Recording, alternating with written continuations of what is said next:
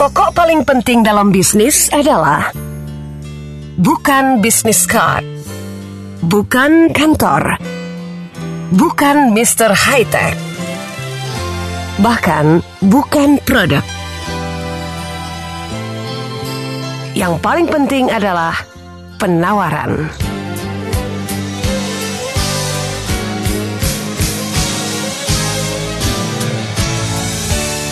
Inilah CD Audio Marketing Revolution bersama Tung Desem Waringin, pelatih sukses nomor satu di Indonesia, versi majalah marketing.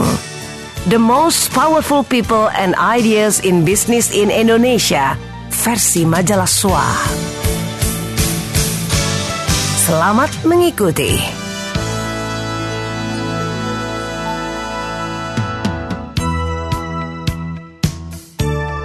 Tujuh jurus marketing revolution yang mampu meningkatkan penjualan Anda hingga 2000% kurang dari enam bulan, bahkan dalam kondisi resesi pun.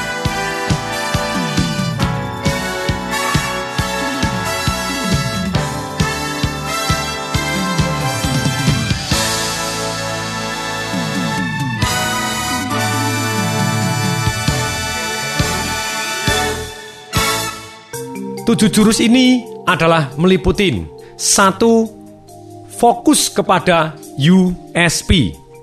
USP di sini bukan unique selling proposition, tapi melainkan ultimate advantage, sensational offer, dan powerful promise Anda. Jurus yang kedua adalah melakukan 6 usaha marketing.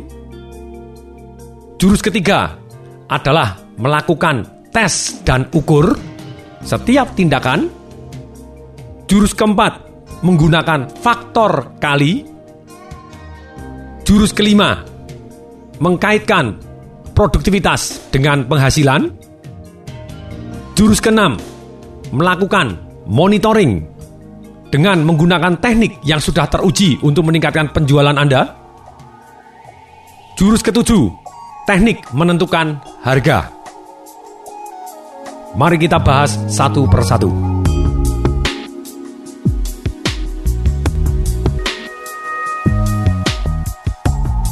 Jurus pertama yaitu fokus kepada ultimate advantage, sensational offer, serta powerful promise.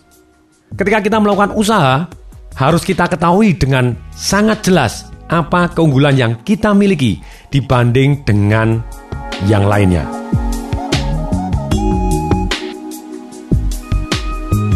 Misalnya, kita sama-sama membuka warung soto. Mengapa orang harus memberi soto di restoran kita atau di warung kita? Mengapa tidak di tempat yang lain? Pertanyaan ini harus dijawab. Kuncinya adalah bahwa kita harus mempunyai keunggulan ataupun yang disebut sebagai nilai tambah. Sebab jika kita tidak mempunyai keunggulan dan sama dengan yang lain, maka kita akan bergerak dalam bidang usaha yang bersifat komoditi atau bersifat umum, semuanya sama. Dan jika kita bergerak dalam bidang yang bersifat komoditi, cukup sulit bagi kita untuk mendapatkan margin keuntungan yang lebih besar. Maksudnya komoditi di sini misalnya orang jual beras, sama sama-sama beras semua, semuanya beras. Tapi ketika beras Anda diberi merek tertentu, diberi vitamin A, diberi vitamin B, diberi tambahan hal-hal yang lain, sudah tidak menjadi komoditi lagi. Kalau komoditi biasanya marginnya tipis. Misalnya orang jualan apa pun, jualan Coca-Cola. Ketika tidak ada nilai tambah yang kita berikan, marginnya akan sangat-sangat tipis. Tapi ketika kita menyajikan di hotel, di mana nilai tambahnya ada di hotel tadi, situasinya, kondisinya, kemudian gelasnya pakai kristal, disajikan dengan orang yang sangat ramah, akibatnya marginnya bisa berkali-kali lipat dari harga pokok itu sendiri. Tapi melainkan kalau dijual di dispenser, sedemikian sehingga tidak ada nilai tambah apa pun, satu dispenser dengan dispenser yang lain marginnya jelas sekali sudah tertentu saja karena bersifat komoditi.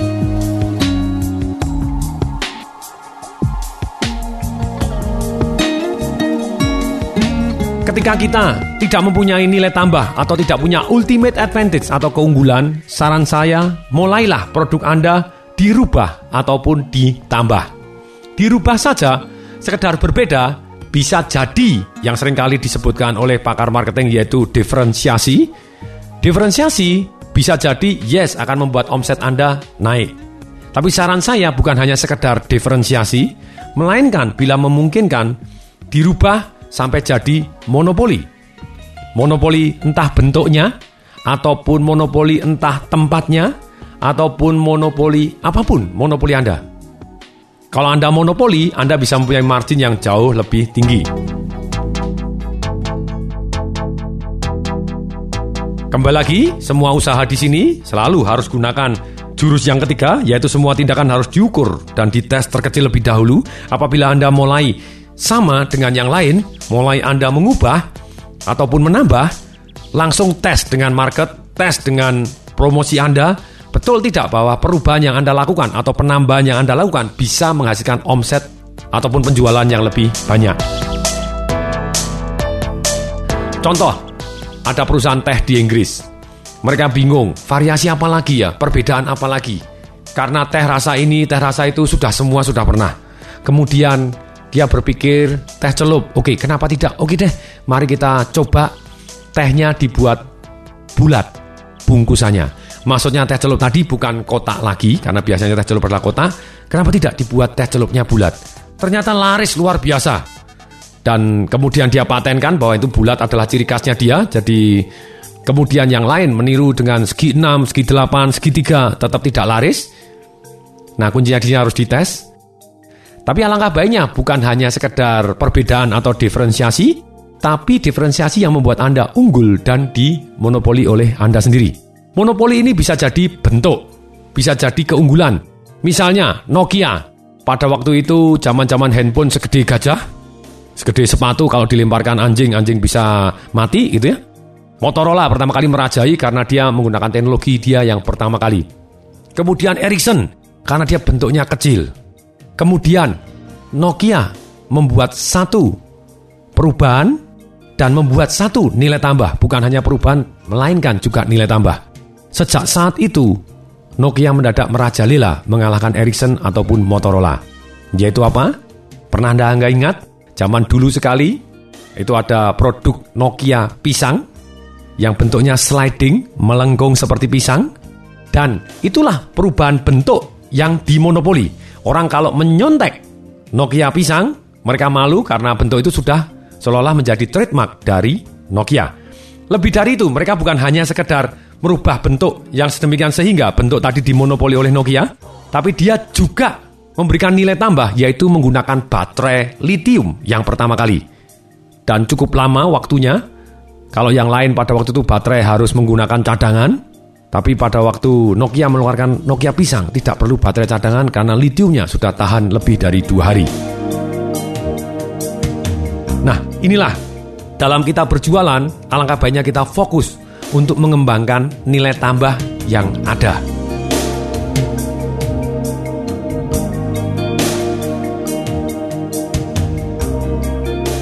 Selain nilai tambah, kita juga harus memberikan sensasional offer. Kita fokus apa sensasional offer kita. Kalau kita sudah mempunyai nilai tambah, bagus adanya, berarti kita sudah mempunyai keunggulan dibanding orang lain. Tapi alangkah baiknya pada waktu kita memarketingkan, kita memberikan satu yang namanya penawaran sensasional atau penawaran yang tidak bisa ditolak karena penawaran tadi sangat menarik dan bisa dipercaya. Tekniknya banyak sekali, seperti dibahas di buku Marketing Revolution. Saya akan bahas di sini yang saya anggap sangat-sangat penting.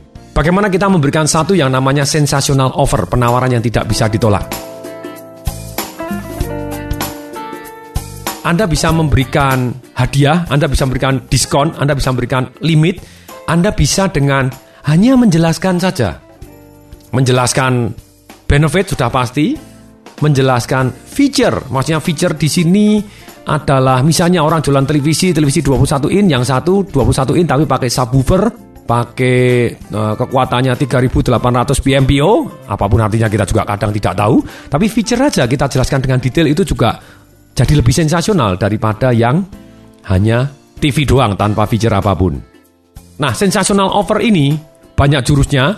Yang paling penting di sini salah satunya adalah kita memberikan nilai tambah atau return on investment. Kalau mereka menaruh sekian rupiah, akan kembali manfaat atau kembali dalam keuntungan bagi yang beli, use value-nya jauh lebih besar dibanding cash value yang diberikan. Jadi uang yang diberikan misalnya senilai 100 ribu, tapi kegunaannya bisa jadi atau manfaatnya bisa jadi senilai 1 juta. Itu namanya sensational offer.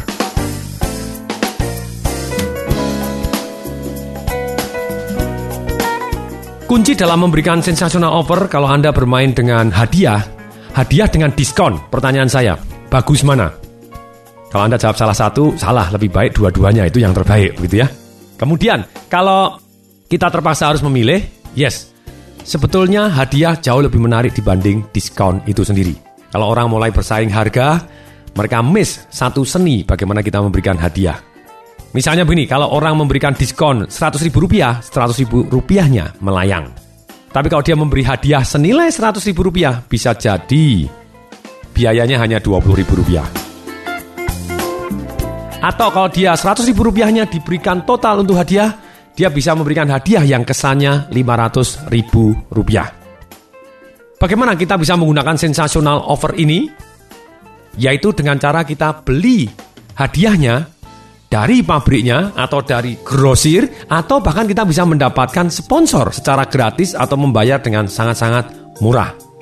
Jadi uang yang kita keluarkan sama-sama 100 ribu, kesannya bisa 500 ribu hadiahnya, bisa kesannya 1 juta rupiah. Sebagai contoh, sensational offer. Misalnya, ada satu leasing sepeda motor atau kredit sepeda motor, dia memberi kredit iklannya bunyinya yang pertama kali sebelum diganti. Bunyinya begini. Cukup Rp 200 ribu, Anda bisa mendapatkan sepeda motor titik-titik. Kemudian setelah belajar tentang sensational offer, dia memasang iklan dengan bunyi begini. Cukup 300 ribu, Anda bisa membawa pulang sepeda motor titik-titik plus meja belajar senilai 450 ribu rupiah. Mana yang lebih menarik? Yang pertama atau yang kedua? Bukti berbicara, yang kedua lebih menarik. Karena walaupun uang mukanya 300 ribu, selisihnya dengan 200 ribu tidak signifikan.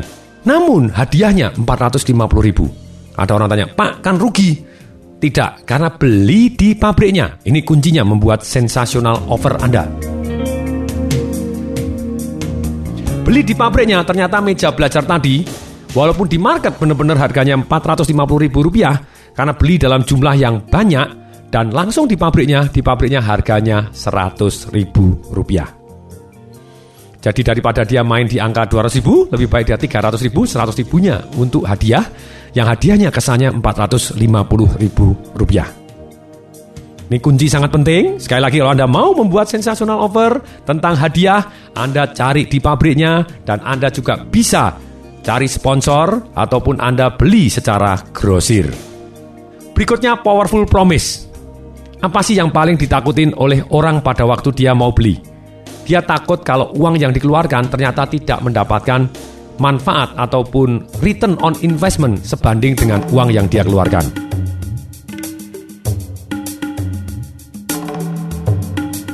Nah, powerful promise yang terbaik di sini adalah money back garansi.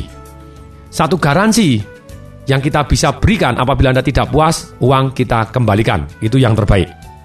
Karena orang yang paling menghambat adalah rasa takut tadi, takut kalau tidak cocok, sekarang sudah ada garansi, berarti tidak ada yang perlu ditakutkan kembali. Powerful Promise ini, sekali lagi, Ultimate Advantage, Sensational Offer, serta Powerful Promise ini, Anda harus bisa bandingkan dengan saingan Anda yang sejenis. Contoh, misalnya, pada waktu Carrefour masuk di Indonesia, dia menggunakan satu program yang namanya apabila Anda temukan ada barang yang lebih murah dari kami, kami akan ganti selisihnya. Itu sangat-sangat powerful. Tapi ketika garansi ini digunakan oleh semua kompetitornya, baik Alpha, terus kemudian Giant, Makro, Hypermart, semuanya menggunakan sudah tidak powerful lagi.